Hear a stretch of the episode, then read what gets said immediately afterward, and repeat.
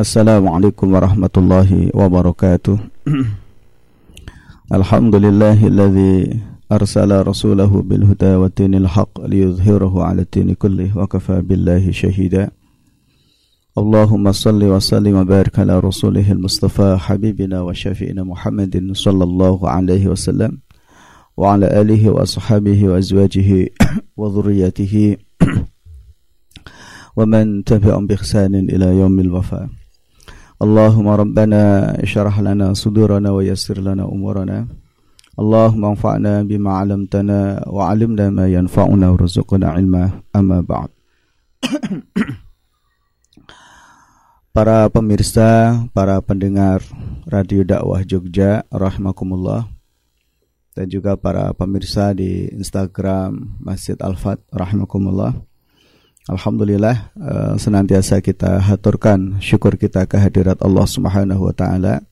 Pada sore hari ini kembali kita diperjumpakan oleh Allah Subhanahu wa taala di forum ini dan mudah-mudahan semua yang hadir, semua yang menyimak, semua yang mendengarkan mudah-mudahan senantiasa mendapatkan limpahan rahmat dan karunia Allah Subhanahu wa taala. Amin.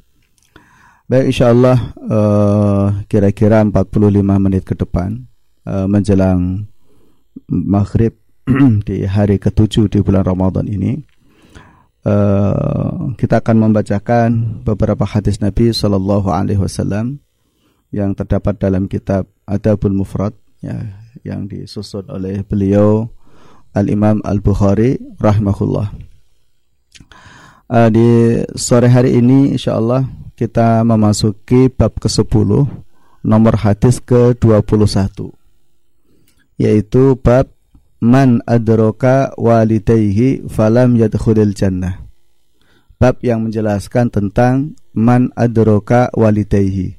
Seseorang yang mendapati kedua orang tuanya tetapi falam yadkhulil jannah. Namun ia tidak bisa masuk surga.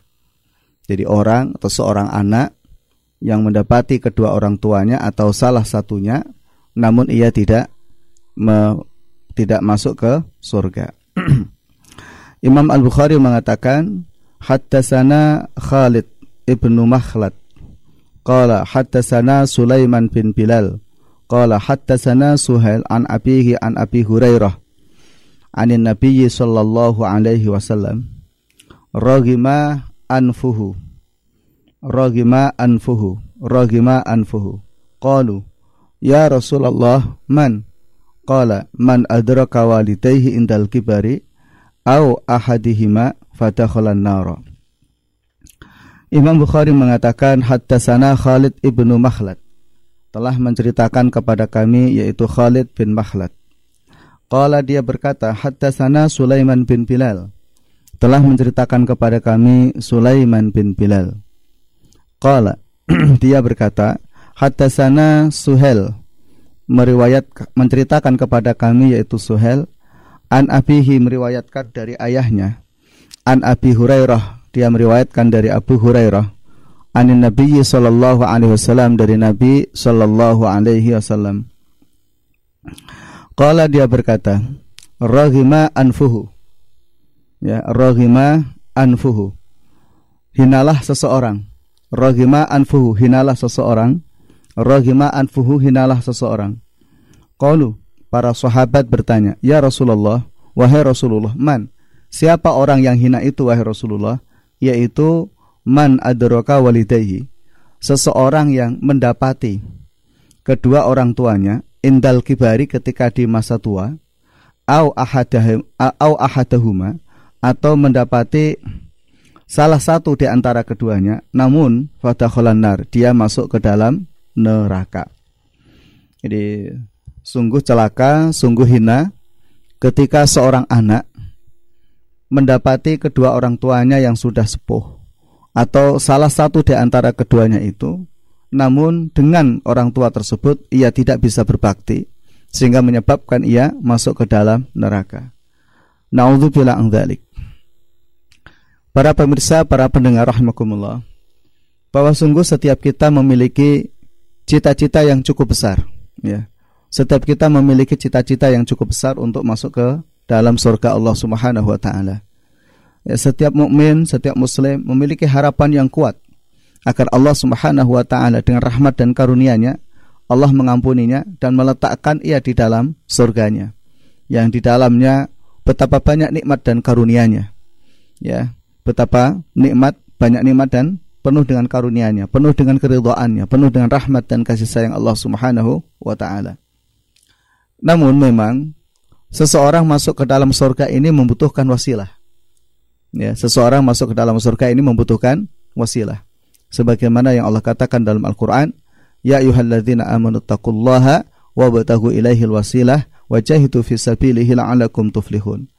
Jadi wahai orang-orang yang beriman bertakwalah engkau kepada Allah Subhanahu wa taala dan wabtaghu ilaihil wasilah carilah wasilah ya. Apa itu wasilah? Sarana yang menjadikan satu sebab seseorang itu masuk ke dalam surga Allah Subhanahu wa taala dan di antara wasilah yang paling besar itu adalah al-imanu billah yaitu iman kepada Allah Subhanahu wa taala wala yusyriku bihi syai'a dan tidak menyekutukan Allah dengan sesuatu pun. Jadi ketika orang iman, imannya bersih ya, tidak menyekutukan Allah Subhanahu wa taala dengan sesuatu, maka apa namanya dia akan masuk ke dalam surga Allah. Nah, wasilah yang kedua adalah amal soleh ya. Nah, di antara amal soleh itu adalah birrul walidain ya. Di antara amal soleh itu adalah birrul walidain. Karenanya di bab pertama atau di awal-awal sudah disampaikan bahwa uh, setelah Allah perintahkan kepada seseorang untuk bertauhid kepadanya, maka setelah itu Allah Subhanahu wa taala perintahkan kepada seorang anak itu untuk berbakti kepada kedua orang tuanya. Allah katakan, "Wa qadha rabbuka alla ta'budu illa iyyahu wa la tusyriku bihi syai'a wa bil walidaini ihsana." gitu ya. Allah telah memutuskan kepada para hambanya agar para hamba itu hanya menyembah kepada Allah semata dan tidak menyekutukan Allah dengan apa pun atau dengan sesuatu pun. Dan setelah itu wabil walidaini ihsana. Jadi setelah itu seseorang berbuat baik kepada kedua orang tuanya, ya. Berbakti kepada kedua orang tuanya. nah, di dalam poin ini uh, beliau Imam Al-Bukhari membawakan hadis Nabi Shallallahu alaihi wasallam, ya yang menceritakan seseorang yang sungguh sangat merugi. Ya, seseorang yang sungguh sangat hina. Ya, hina. Kenapa begitu? Allah memberikan kesempatan kepadanya untuk menjumpai kedua orang tuanya. Allah memberikan kesempatan kepadanya untuk bisa berbakti kepada kedua orang tuanya atau salah satunya. Namun tidak ia lakukan sehingga itu menjadikan sebab dia masuk ke dalam neraka Allah Subhanahu wa taala. Jadi kalau kemudian kita melihat ini, para pemirsa, para pendengar rahimakumullah, bahwa birrul walidain itu adalah di antara wasilah yang besar, ya. Birrul walidain itu adalah di antara wasilah yang besar seseorang itu masuk ke dalam surga Allah Subhanahu wa taala. Nah, oleh karena itu sangat indah dan sangat patut, ya. Manakala seseorang itu bersungguh-sungguh berbakti kepada kedua orang tuanya, ya. Nah, di dalam hadis ini uh, ada dua pembahasan ya. Yang pertama adalah al-hissu 'alal birril walidain wa bayin 'azmi sawabihi wa takhdhir min uquqihima wa 'azmi iqabihi. Laki-laki adalah menjelaskan tentang dorongan ya agar seorang anak ini berbakti kepada kedua orang tuanya karena begitu besar pahalanya. Ya, begitu besar pahala seorang anak ketika berbakti kepada kedua orang tua. Wabil khusus ketika di bulan Ramadan. Ya, wabil khusus ketika di bulan Ramadan seperti ini. Karena amal pahala dilipat gandakan oleh Allah Subhanahu wa taala. Ketika seorang anak bisa berbakti kepada kedua orang tuanya, ya, menjadikan orang tuanya itu ridha kepadanya, tentu akan berlipat pahala dan juga akan berlipat keberkahannya. Nah, dan juga di dalam hadis ini kalau kemudian kita makni secara terbalik wa tahdzir, ya, ancaman, ya, peringatan yang begitu keras ya bagi siapa pun seorang anak yang berani menyakiti apa? Kedua orang tuanya atau salah satunya. Ya entah itu menyakiti dengan kata-kata entah itu menyakiti dengan perbuatan atau juga menyakiti dengan sikap perilaku. Karena apa? Itu bisa menjadi sebab ya itu bisa menjadi sebab seseorang itu masuk ke dalam neraka Allah dan mendapatkan azab yang pedih ya kemudian yang kedua adalah birrul walidain inda kibarihima wa fihima bil khidmah wan nafaqah sababun lidukhulil jannah. birrul walidain itu akan tampak ya. Birrul walidain itu akan tampak ke manakala orang tua itu sudah sangat lemah ya ketika di masa usia tuanya. Ya. Jadi apa namanya fisiknya sudah lemah ya. Melakukan sesuatu harus dibantu. Bahkan mungkin makan pun juga perlu dibantu ya. Bahkan mungkin melakukan sesuatu yang lain pun juga perlu dibantu. Nah ketika seorang anak itu bisa bil khidmah melayaninya ya. Ketika kemudian seorang anak itu bisa bil khidmah melayaninya ya. Dan kemudian juga apa yang kedua? Awin nafkah memberikan nafkah gitu. Karena ketika orang tua sudah sepuh dia sudah tidak lagi mampu bekerja ya sudah tidak lagi mampu melakukan sesuatu, maka memang seorang anak wajib memberikan nafkah kepada kedua orang tuanya tentu sesuai dengan kemampuannya.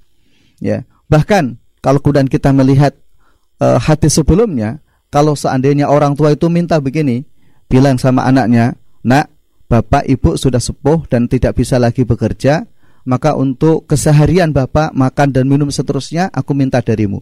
Maka anak wajib memenuhinya ya. Maka anak wajib memenuhinya. Ya karena anak wajib memberikan nafkah kepada kedua orang tuanya atau salah satunya ketika memang apa namanya orang tua itu tidak lagi mampu ya. Ketika orang tua itu tidak lagi mampu melakukan sesuatu. Dan itu adalah sababun litukhulil jannah. Itu menjadi sebab ya. Itu menjadi sebab seseorang itu masuk ke dalam surga Allah Subhanahu wa taala Sedangkan waman qasara fi adai huquqihi ma khulil jannah wa arhumallahu anfahu. Jadi ketika seseorang justru enggan melakukan birrul walidain ya, enggan memenuhi hak-hak kedua orang tuanya, maka dia tidak akan masuk surga dan Allah Subhanahu wa taala akan menghinakan dirinya. Allah menghinakan dirinya di dunia dan juga Allah akan menghinakan dirinya di akhirat. Nauzubillah. Inilah hal yang disampaikan oleh Rasulullah sallallahu alaihi wasallam yang dikutip oleh beliau Al Imam Al Bukhari rahimahullah dalam kitab Adabul Mufrad. Baik, kita masuk ke bab yang ke-11 ya. Babu man barra walidayhi zatallahu fi umri. Bab yang ke-11, hadis nomor ke-22. Bab yang menjelaskan tentang man barra walidayhi ya.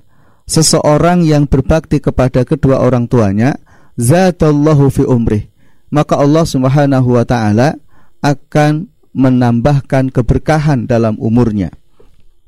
Ya, jadi seseorang yang berbakti kepada kedua orang tuanya maka Allah Subhanahu wa taala akan menambahkan keberkahan pada umurnya. Imam Al-Bukhari mengatakan Hattasana Asbaghu Ibnul Faraj qala Akhbarani Ibnu Wahab an Yahya bin Ayyub an Zabban bin Faid an Sahal bin Mu'adh an abihi qala.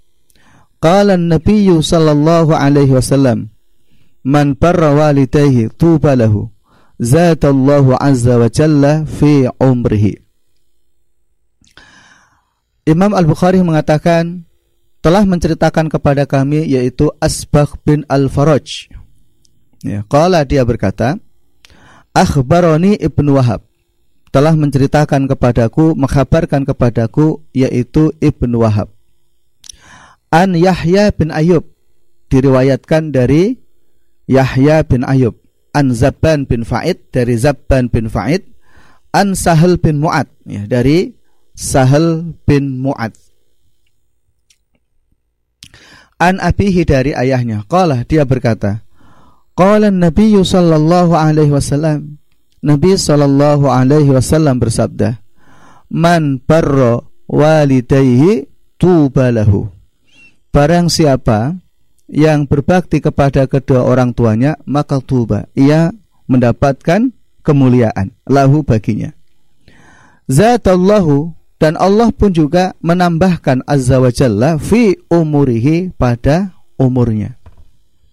Nah, di dalam hadis ini beliau Imam Al Bukhari membawakan hadis Nabi Shallallahu Alaihi Wasallam bahwa ketika seorang anak itu berkenan ya untuk berbakti kepada kedua orang tuanya maka Allah Subhanahu wa taala akan menambahkan keberkahan pada umurnya. Hadis ini sama juga dengan hadis yang diriwayatkan oleh Imam Muslim bahwa Rasulullah Shallallahu alaihi wasallam katakan man sarrahu an yubsata alaihi rizquhu ayun sa'alahu fi asarihi falyasil rahimah. Ya jadi barang siapa yang seneng kalau rezekinya itu diluaskan oleh Allah barang siapa yang seneng ya uh, usianya itu ditangguhkan oleh Allah atau dipanjangkan oleh Allah Subhanahu wa taala maka falyasil rahimah. Maka sambunglah kekerabatan. Begitu juga hadis yang diriwayatkan oleh Imam Al-Hakim Rasulullah katakan la yazitu fil umri ilal birra ya jadi tidak menambahkan pada umur kecuali kebaikan baik pada hadis ini ada dua poin ya Pertama adalah birrul walidain sababul barokah wa ziyadah fil umri, ya. Jadi ketika seorang anak berbakti kepada kedua orang tuanya, fa Allah itu akan menambahkan keberkahan pada umurnya. Ya. Keberkahan pada umurnya. Nah, tambah umur ini para ulama memberikan dua pandangan. Satu, bisa jadi itu maknanya adalah hakiki. Bahwa memang seseorang ditambahkan umurnya oleh Allah Subhanahu wa taala. Maka pemahaman ini memang memunculkan satu pertanyaan. Bukankah manusia itu takdirnya sudah selesai? Termasuk di dalamnya adalah umurnya. Bagaimana mungkin seseorang itu bisa ditambahkan umurnya oleh Allah Subhanahu wa taala? Allah Maha Kuasa atas segala sesuatu. Ya, itu satu hal yang harus kemudian kita perhatikan. Allah Maha Kuasa atas segala sesuatu. Dan Allah memiliki al-masyiah, sifat berkehendak. Dan Allah Subhanahu wa taala pun juga mengatakan di dalam Al-Qur'an bahwa Allah Subhanahu wa taala berkehendak untuk melakukan apa saja yang Allah kehendaki. Wallahu fa'alun lima yuridu. Jadi Allah Subhanahu wa taala berkehendak untuk melakukan apa saja yang Allah kehendaki. Sebagaimana pula di bulan Ramadan ini adalah Lailatul Qadar, ada Lailatul Qadar. Maka para ulama di tafsir menjelaskan Nah, di antara makna Lailatul Qadar itu adalah bahwa dalam satu tahun Allah Subhanahu wa taala merubah takdir manusia sebagaimana cita-cita, kehendak dan doanya. Maka seseorang ketika bulan Ramadan sangat-sangat dianjurkan untuk memperbanyak berdoa ya, berdoa agar Allah Subhanahu wa taala memberikan kebaikan padanya di waktu-waktu yang akan datang. Sebagaimana pula pemahaman yang disampaikan oleh para ulama ada takdir mubrom, ada takdir muallak. Muallak yang berkaitan tentang ikhtiar manusia. Ya. Bahwa kebajikan yang dilakukan oleh seseorang insya Allah itu akan menambahkan keberkahan pada umurnya. Ya keberkahan pada umurnya bisa jadi memang Allah tambahkan usianya. Allah panjangkan usianya secara hakiki. Allah alam bisawab ada sebagian ulama yang mengatakan bahwa yang dimaksudkan itu adalah majazi ya kita lihat para pemirsa para pendengar rahimakumullah ada banyak orang ya orang-orang soleh, para ulama, para, para wali Allah Subhanahu wa taala yang secara angka usia mereka itu sedikit. Ya, misalnya beliau Imam Nawawi 35 tahun. Ada yang mengatakan seperti Imam Bukhari, Imam Muslim tidak lebih dari 45 tahun. Ya. Usia-usia yang segitu gitu. Dan masih banyak lagi ulama-ulama yang seperti itu. Hanya saja apa yang mereka lakukan itu seperti orang yang melakukan lebih dari 100 tahun. Amalnya, ya, pengetahuannya, ya, kemudian juga ibadahnya kepada Allah Subhanahu wa taala. Ya, bahkan termasuk di dalamnya adalah ilmu. Jadi bahkan kita hari ini misalnya, ya kan? Kita belajar kitab Adabul Mufrad, satu kitab hadis yang disusun oleh beliau Imam Al-Bukhari. Ya, dalam biografi ada yang mengatakan bahwa beliau wafat pada usia 4 kurang dari 45 tahun. Ya. Tetapi ilmunya Masya Allah sampai hari ini, padahal beliau sudah ratusan tahun yang lalu beliau wafat. Tapi ilmunya, amalnya, pendapatnya, pikirannya, akhlaknya, itu bisa ditiru oleh generasi-generasi setelahnya.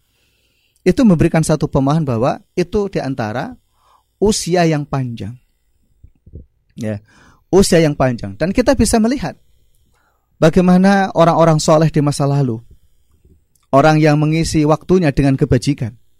Ya, orang yang selalu mengisi waktunya dengan kebajikan.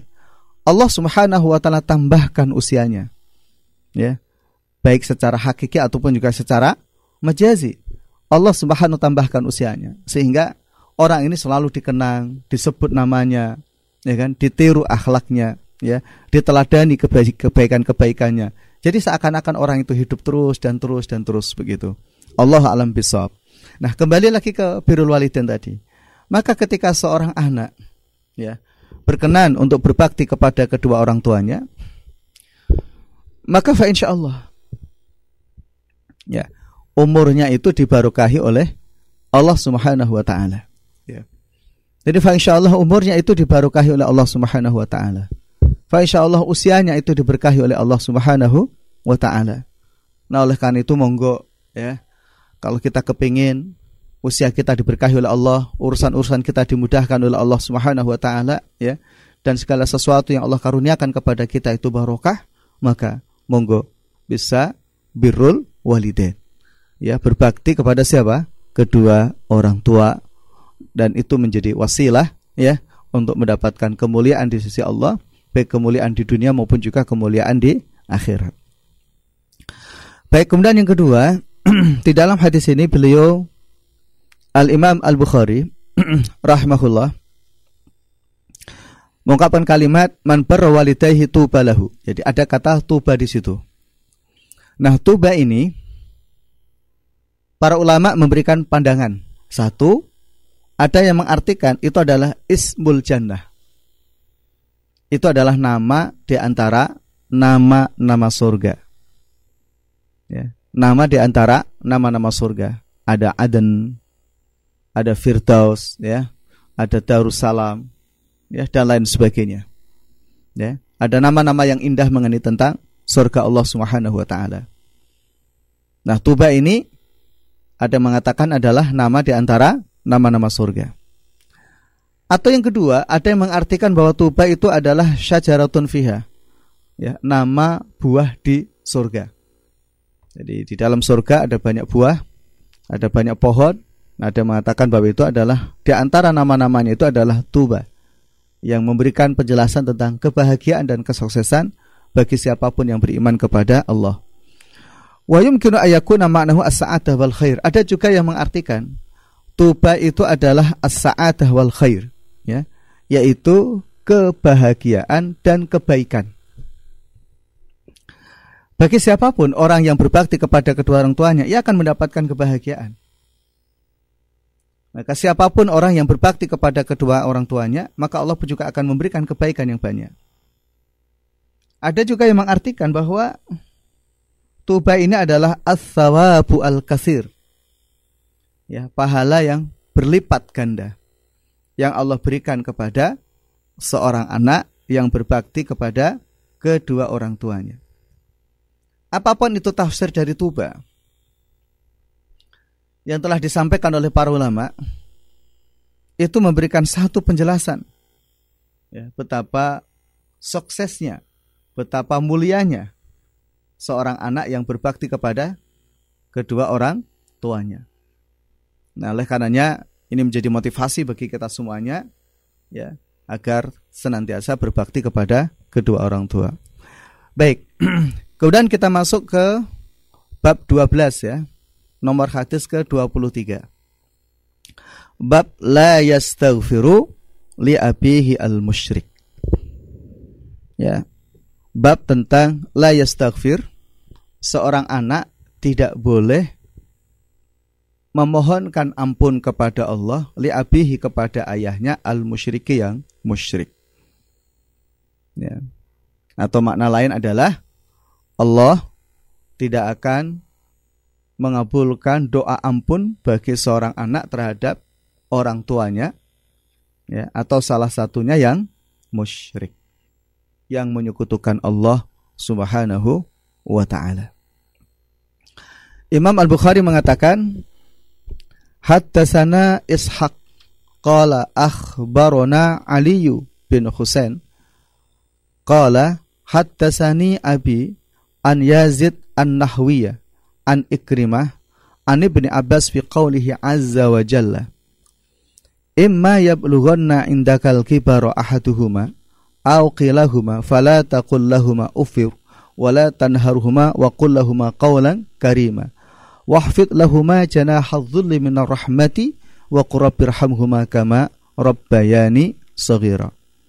Maka kemudian fanusikhat fanasakhat ha al ayah fi barra'ah maka nali nabiyyi walladzina amanu ay yastaghfiru lil musyrikin walau kanu uli qurba min ba'di ma tabayyana lahum annahum ashabul jahim.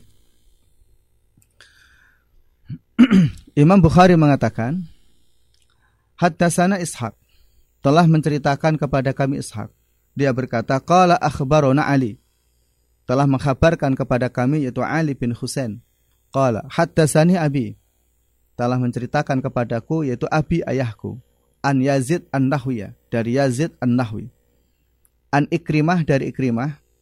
An Ibn Abbas dari Ibnu Abbas. Fi qawlihi azza wa jalla mengenai tentang firman Allah Subhanahu wa taala.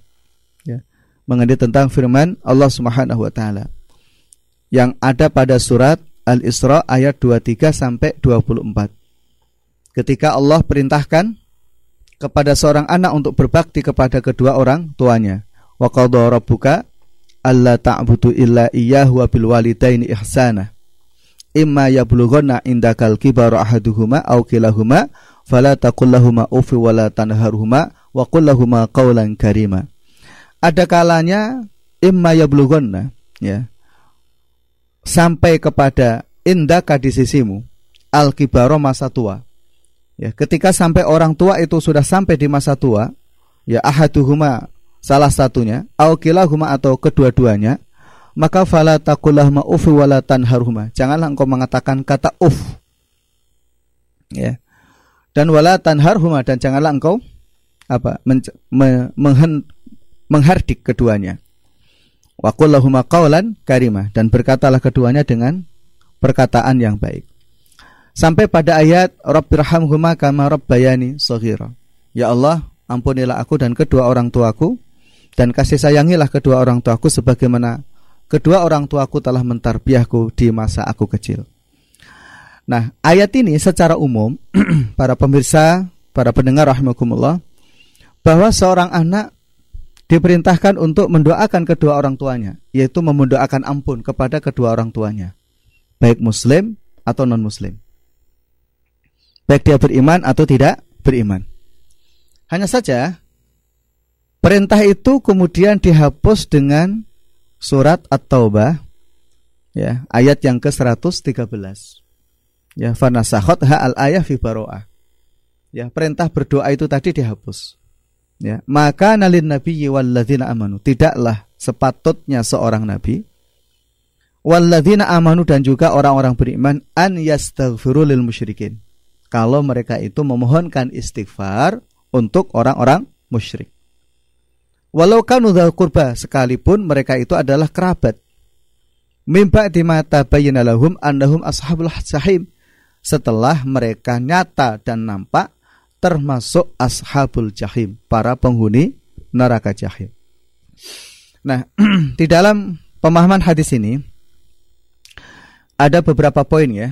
Yang pertama tentang hukum istighfar atau anak mendoakan ampun kepada kedua orang tua yang tidak beriman kepada Allah Subhanahu wa taala.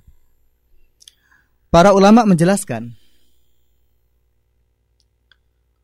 ayat tersebut, ayat Rabbi firli wali walidayya warhamhuma kama rabbayani shaghira. Secara umum, mujmal, ini menjelaskan bahwa bolehnya seorang anak mendoakan kedua orang tuanya, baik mereka yang beriman atau tidak beriman. Namun, Surat At-Taubah ayat ke-113 ini telah menghapus hukum tersebut. Ya, mana hukum yang dihapus? Yaitu bolehnya mendoakan kepada orang tua yang non-muslim. Itu yang dihapus.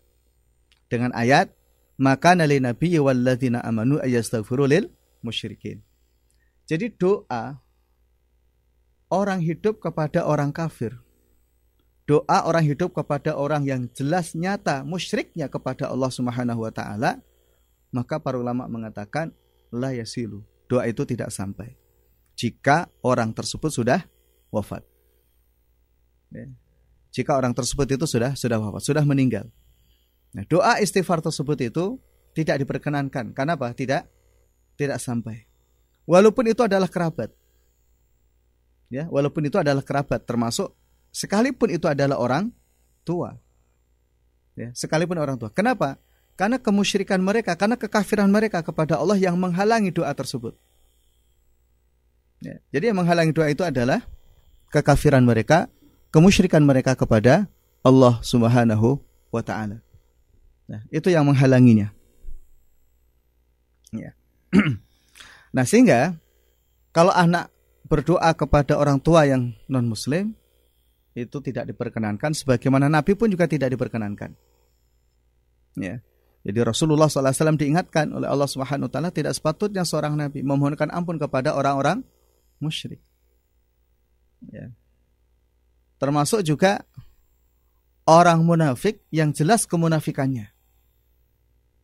Allah katakan dalam Al-Quran masih sama di surat At-Taubah istaghfir lahum aw la tastaghfir lahum in tastaghfir lahum falay yaghfirallahu lahum Dzalika bi'annahum kafaru billahi wa rasulih. Di ayat berikutnya la taqum ala qabrihi abada. Jadi istaghfir lahum aw la tastaghfir lahum. Engkau memohonkan ampun kepada mereka ataukah tidak memohonkan ampun kepada mereka? Kalaupun toh engkau memohonkan ampun kepada mereka sab'ina marrah hingga 70 kali, fala lahum. Ya. Allah sampai kapan pun tidak akan apa? mengampuni mereka. Apa alasannya Allah tidak mengampuni mereka? Dzalika bi'annahum kafaru billahi wa rasulih wa matu wa hum kafirun. Mereka adalah orang yang kafir kepada Allah. Mereka adalah orang yang kafir kepada Rasulnya. Wa matu wa hum kafirun. Dan mereka itu mati dalam keadaan kafir. Gitu. Dan mereka itu mati dalam keadaan kafir. Wa matu wa hum kafirun. Ya. Sebagian ulama ada yang bercerita ayat itu adalah berkaitan tentang ketika salah satu tokoh munafik di Madinah yaitu Abdullah bin Ubay bin Salul wafat, meninggal. Putranya meminta kepada Nabi Shallallahu Alaihi Wasallam untuk mensolatinya. Tetapi saat Nabi hendak melakukan itu, maka turun ayat mengingatkan kepadanya ya, mengingatkan kepada Rasulullah SAW untuk tidak mensolati dan mendoakannya. Kenapa? Karena Abdullah bin bin Salul ini jelas dia adalah zahirnya dia muslim, tapi hakikatnya dia kafir. Maka itu termasuk makna ayat di surat At-Taubah tadi ayat 113, mimba timata bayyana lahum annahum ashabul jahim. Jadi setelah tampak bagi mereka bahwa sesungguhnya mereka itu adalah ashabul jahim.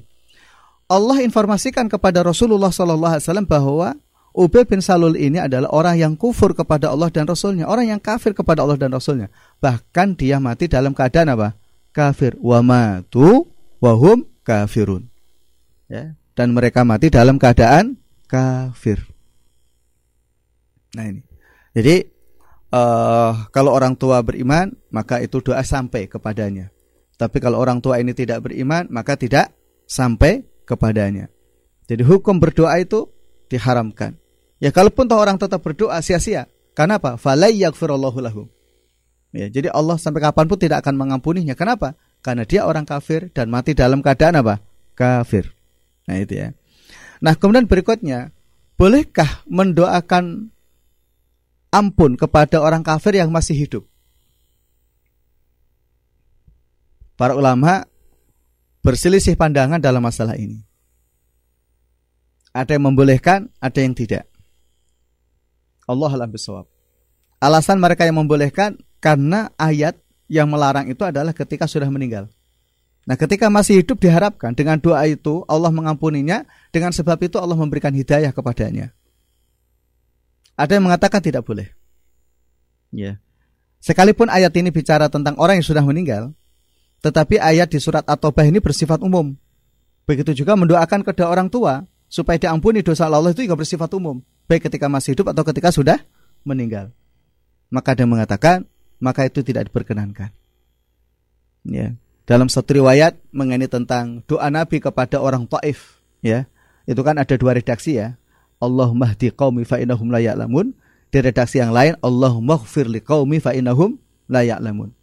Jadi Allah mendoakan orang-orang kafir dari negeri Taif, nah gitu ya, itu termasuk juga hujah atau dalil bagi mereka yang membolehkan mendoakan ampun bagi orang kafir yang masih hidup, ya, bukan orang yang sudah meninggal. Nah, baik. Jadi poin hadis ini adalah menjelaskan bahwa doa orang apa seorang anak kepada kedua orang tuanya jika sama-sama beriman kepada Allah maka doa itu sampai, ya kan? Jika kemudian apa namanya salah satunya itu kafir, tidak beriman kepada Allah atau kedua-duanya kafir kepada Allah Subhanahu wa taala, maka doa itu tidak akan sampai. Baik, kemudian berikutnya adalah kewajiban anak selalu mendoakan orang tuanya. Ya, kita sebagai anak ya punya kewajiban untuk mendoakan orang tuanya. Baik ketika orang tua masih hidup, lebih-lebih ketika orang tua itu sudah meninggal. Ya, setidaknya adalah Allahumma gfir Allahumma gfir li wali walidayya warhamhuma kama rabbayani shaghira. Setidaknya adalah dengan dengan itu. Ini mendoakan. Nah, sangat baik kalau mendoakan dengan doa-doa tambahan yang lain. Ya, misalnya agar urusannya dimudahkan oleh Allah, ya kan, dan lain sebagainya gitu, dan seterusnya gitu. Ya monggo, ya. Prinsipnya adalah seorang anak tidak boleh meninggalkan doa untuk orang tuanya, ya. baik, kemudian yang berikutnya adalah bahwa tentang nasih dan mansuh ya di dalam ayat Al-Qur'an Al-Karim. Allah katakan di dalam Al-Qur'an, "Ma min ayatin aw nunsiha aw na'ti bi khairin minha aw misliha alam ta'lam annallaha ala kulli syai'in qadir." Itu ayat yang secara tegas menjelaskan tentang adanya apa? Nasih dan mansuh dalam Al-Qur'an. Ada ayat yang menghapus, ada ayat yang dihapus. Ya, apakah ini Allah mungkin orang akan mengatakan Allah kok pelin pelan gitu ya? Enggak. Tapi ini menjelaskan tentang anallah ala kulli syai'in qadir. Allah itu berkuasa atas segala sesuatu yang dikehendaki oleh Allah. Manansah min ayatin. Apa saja ayat yang dihapus oleh Allah Subhanahu wa taala. Aununsiha atau ayat yang dilupakan oleh Allah terhadap Rasulullah sallallahu alaihi wasallam. Maka nakti minha au bi khairim minha. Nakti bi khairim minha au misliha. Allah akan mendatangkan ayat yang lebih baik atau yang setidaknya sepadan dengan itu. Alam ta'lam anallah ala kulli syai'in qadir Tidakkah kau mengetahui bahwa sesungguhnya Allah itu maha kuasa atas segala sesuatu. Nah, para ulama ahli tafsir ketika mereka membicarakan tentang nasih dan mansuh dalam Al-Qur'an ya, ada kalanya yang dihapus itu hukumnya. Ya. Hukumnya yang dihapus. Ya. Ayatnya tetap ditulis dalam Al-Qur'an. Ya, salah satu contohnya ini. Ya. Kenapa ada sifat mutlak terus kemudian dihapus. Ya, sebagaimana misalnya dalam hadis Nabi juga ada nasih dan mansuh. Ya, contoh kuntu nahaitukum an ziyaratul kuburi fazuruh. Dulu aku pernah melarang kalian ziarah kubur tapi sekarang berziarahlah. Tentu di dalamnya ada hikmah. Ya, tentu di dalamnya ada ada hikmah. Ya. Ada iktibar, pelajaran-pelajaran yang besar, pelajaran-pelajaran banyak yang disampaikan oleh Allah Subhanahu wa taala kepada kita. Di antaranya adalah bahwa proses pembelajaran itu bertahap.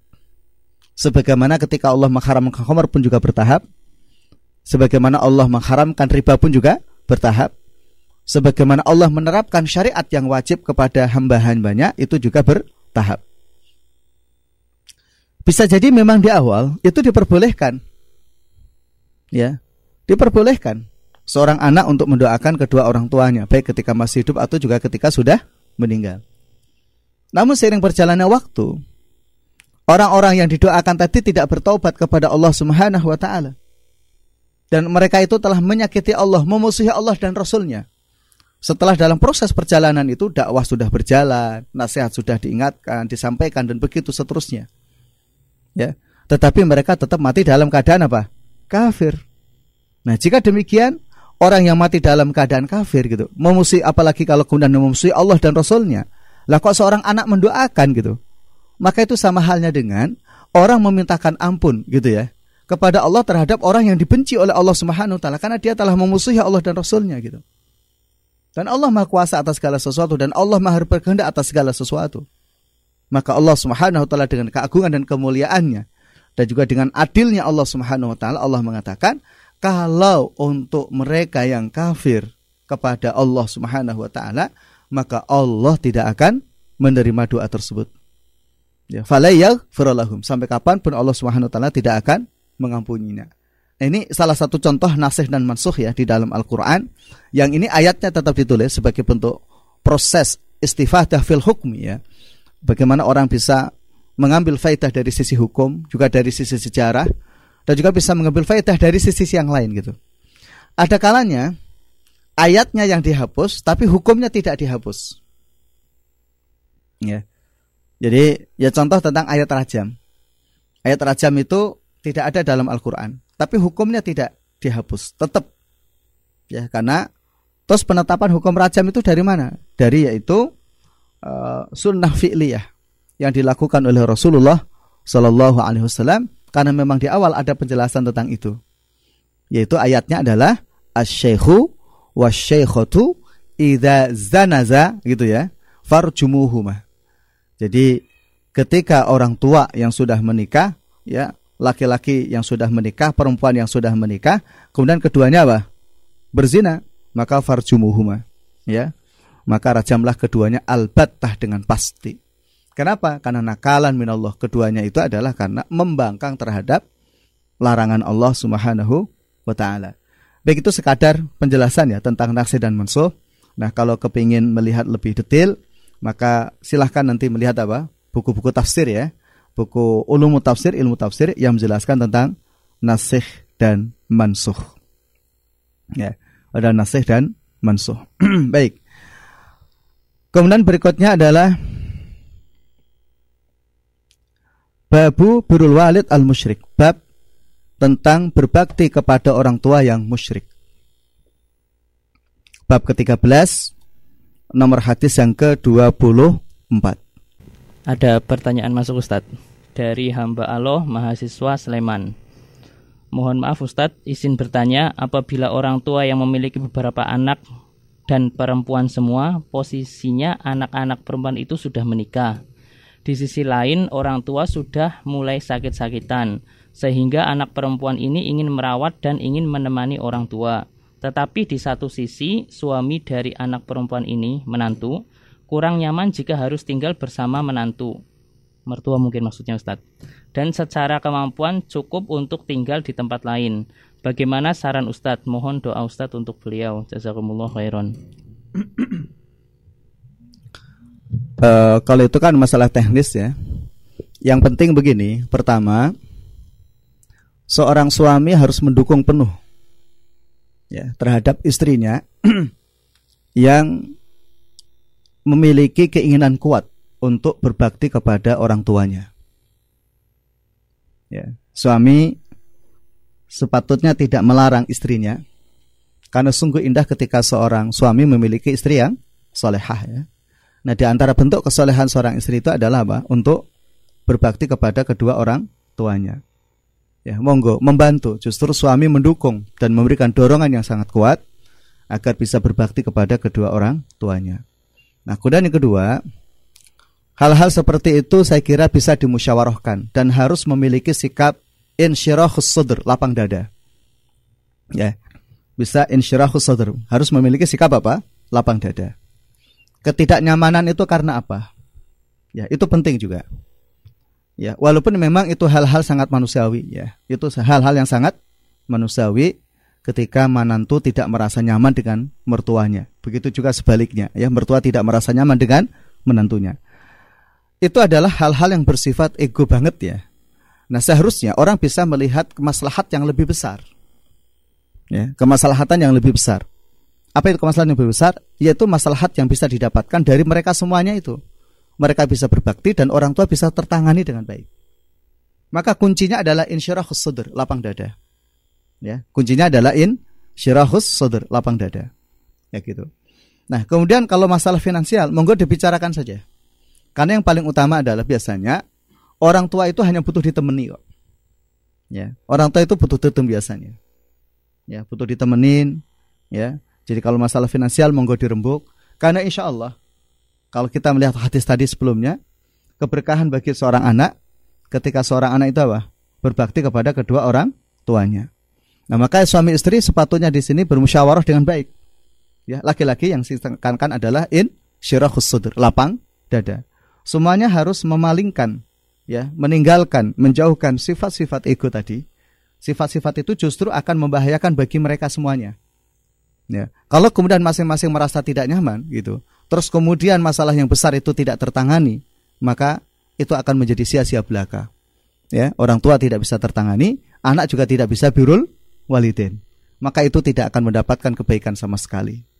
Nah, oleh karenanya lagi-lagi insyarahus sadr harus memiliki sikap apa? lapang dada. Nah, hanya saja memang dasar lapang dada itu adalah kesabaran. Jadi masing-masing harus sabar. Menantu juga sabar, ya, anak juga sabar, orang tua juga harus harus sabar gitu. Ya, harus sabar gitu. Ketidakcocokan dalam satu hal, maka harus sabar di dalamnya. Kan itu juga bagian dari apa ya ujian-ujian yang diberikan oleh Allah Subhanahu wa taala bagi semuanya. Melihat itu mana yang akan mereka dahulukan? Ya kan? Egonya ataukah kebaikan di sisi Allah Subhanahu wa taala. Ya, kita berharap semuanya itu adalah yang dicari adalah kebaikan di sisi Allah Subhanahu wa taala. Kita berharap itu. Karena supaya kemudian orang mendapatkan kemuliaan di sisi Allah Subhanahu wa taala. Demikian Allah alam. Pertanyaan selanjutnya Ustaz. Dari Farhan mahasiswa domisili saat ini di Jepang. Teman saya pernah ngomong bagaimana saya mau berdoa warhamhuma kama robayani sohiro? Bapak saya nggak pernah sayang ke saya. Teman saya ini memang punya konflik dengan bapaknya. Jawabannya kira-kira apa Ustadz? Bagaimana doanya? Baik mungkin sudah dijelaskan di, di kemarin ya. Sekalipun orang tua itu menyakitinya sekalipun orang tua itu menzaliminya gitu ya. Atau mungkin dalam persepsi kita orang tua itu tidak sayang kepada kita. Tetap anak ya tetap anak itu diperintahkan oleh Allah Subhanahu wa taala untuk apa? Mendoakannya tadi. Ya, Rabbil firli warahumma kama rabbayani suhira. Ya, itu tetap ya. Kemudian yang kedua adalah penting juga seorang anak mengetahui apa alasannya orang tua tidak menyayanginya. Apakah itu hanya karena persepsinya dia? Ya kan? Atau karena kecemburuan antar saudara satu dengan yang lainnya. Ya, kadang kala namanya anak banyak, ya. Dan orang tua memang ya zahirnya orang tua itu sayang kepada semua anak. Ya, walaupun kadangkala ada juga yang mengatakan mesti memiliki kecenderungan. Ya, di antara anak itu memiliki kecenderungan, tapi bukan berarti kecenderungan itu menafikan yang lain itu tidak. Semuanya itu. Karena insya Allah orang tua yang baik, orang tua yang saleh, ya, jangankan manusia ya, hewan pun juga tidak membenci anaknya. Ya, karena Allah limpahkan kasih sayang itu kepada semuanya gitu maka perlu itu dicari informasi yang adil, yang baik, yang bijak gitu ya. Kenapa muncul itu gitu ya? Itu karena persepsi seorang anak, ya kan? Atau memang betul-betul orang tua itu tidak sayang kepadanya. Ya. Kalaupun toh orang tua memang betul tidak sayang kepadanya, setidaknya memilih, mengetahui tentang alasannya. Ya, kalaupun toh sudah tahu alasan dan ternyata memang demikian gitu, maka tetap anak punya kewajiban untuk berbakti kepada kedua orang tuanya tetap ketika doa firli kama rabbayani shaghira. Terus bagaimana? Ya yang lain itu urusan Allah Subhanahu wa taala. Bertawakallah kepada Allah Subhanahu wa taala. Nah, ketiga berbaik sangka. Ya, berbaik sangka. Apa bentuk baik sangkanya? Bahwa semuanya itu adalah ujian dari Allah. Bisa enggak anak itu tetap berbakti kepada kedua orang tua sekalipun orang tua itu tidak menyukainya gitu. Ya sekalipun kedua orang tua itu apa tidak menyukainya. Karena hadis sebelumnya ya, ya hadis sebelumnya yang menjelaskan tentang hal tersebut. Bahwa anak tetap berbakti kepada kedua orang tua sekalipun apa? Orang tua itu menzaliminya. Ya sekalipun orang tua itu menyakitinya dan seterusnya. Karena pada hakikatnya apa pun yang dimiliki oleh seorang anak itu adalah milik orang tua. Ya jadi husnudzannya. Ya kemudian yang kedua adalah semampunya tetap dia berbakti, ya.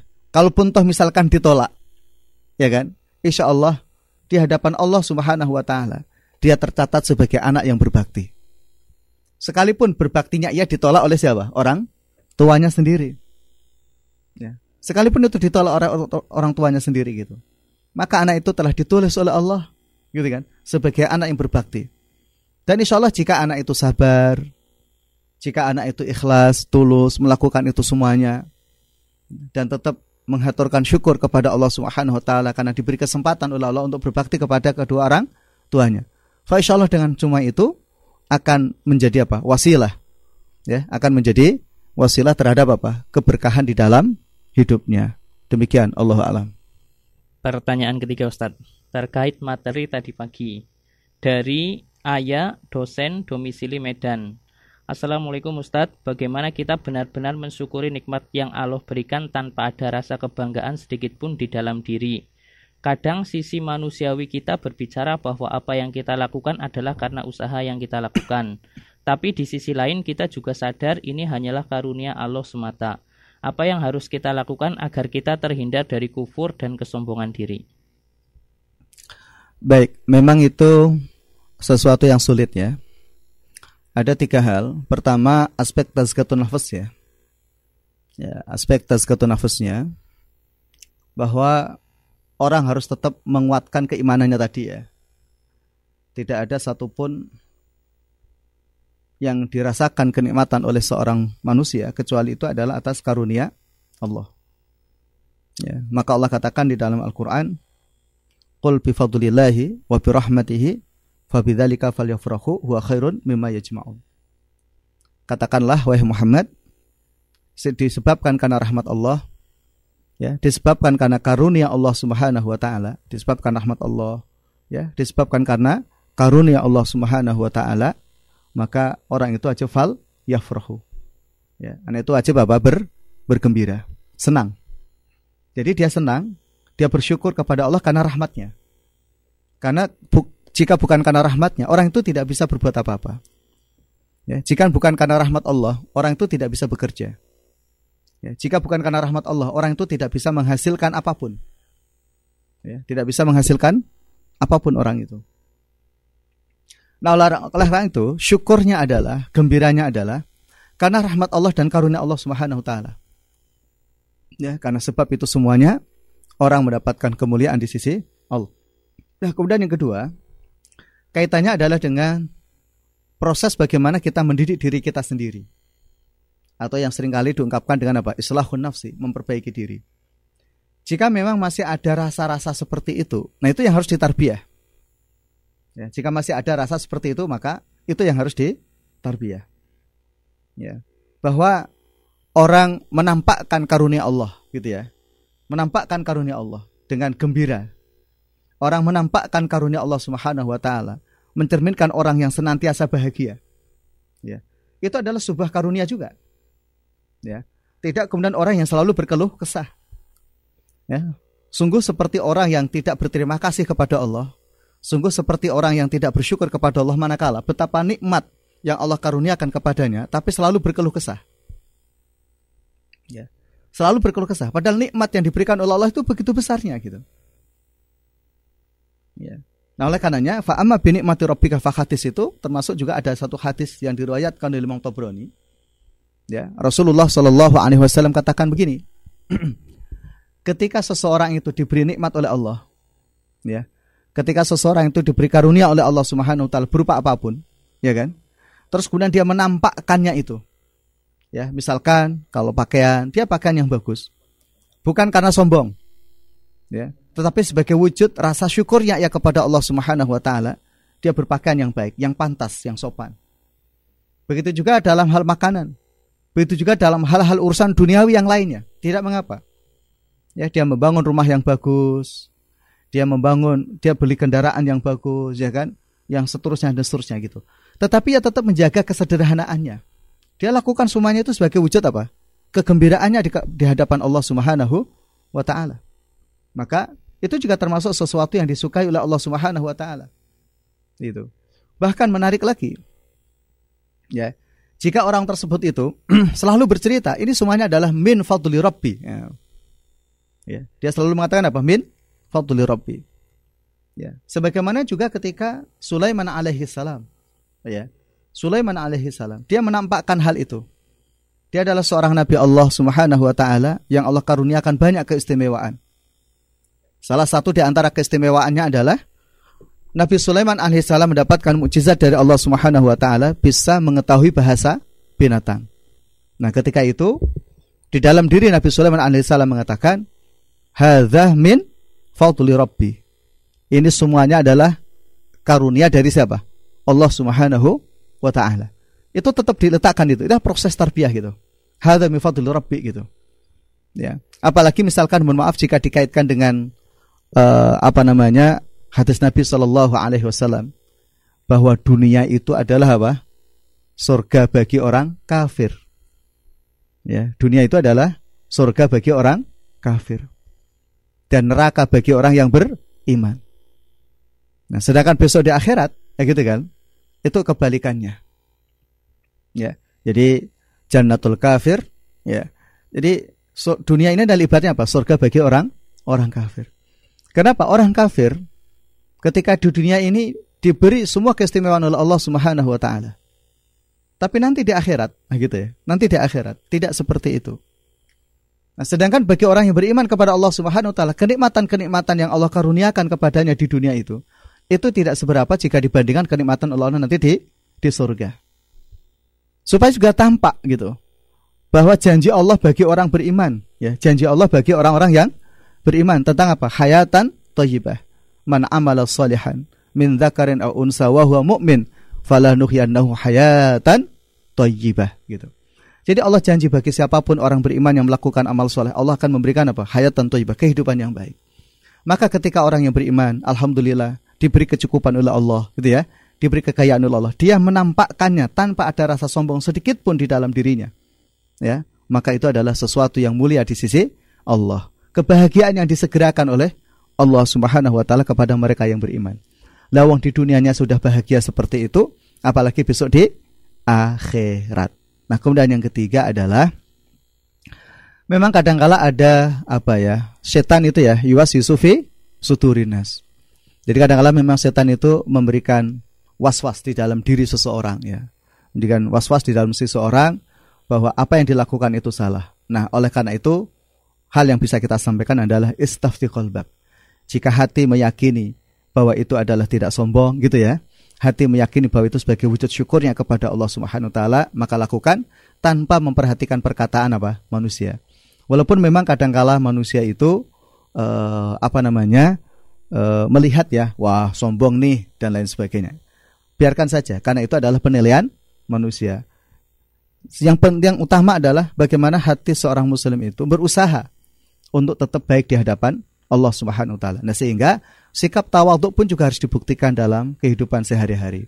Dia berkenan untuk berinteraksi dengan siapa saja ya, tetap bersedekah, tetap berinfak dan gitu ya, dan juga bergaul dengan siapa saja dan tanpa ada rasa sombong sedikit pun di dalam dirinya. Mudah-mudahan yang sedikit ini, mudah-mudahan ini bermanfaat. Allah alam bisawab. Subhanakallahumma hamdika asyhadu an la ilaha wa atubu ilaik. Insyaallah malam nanti kita berjumpa lagi. Assalamualaikum warahmatullahi wabarakatuh.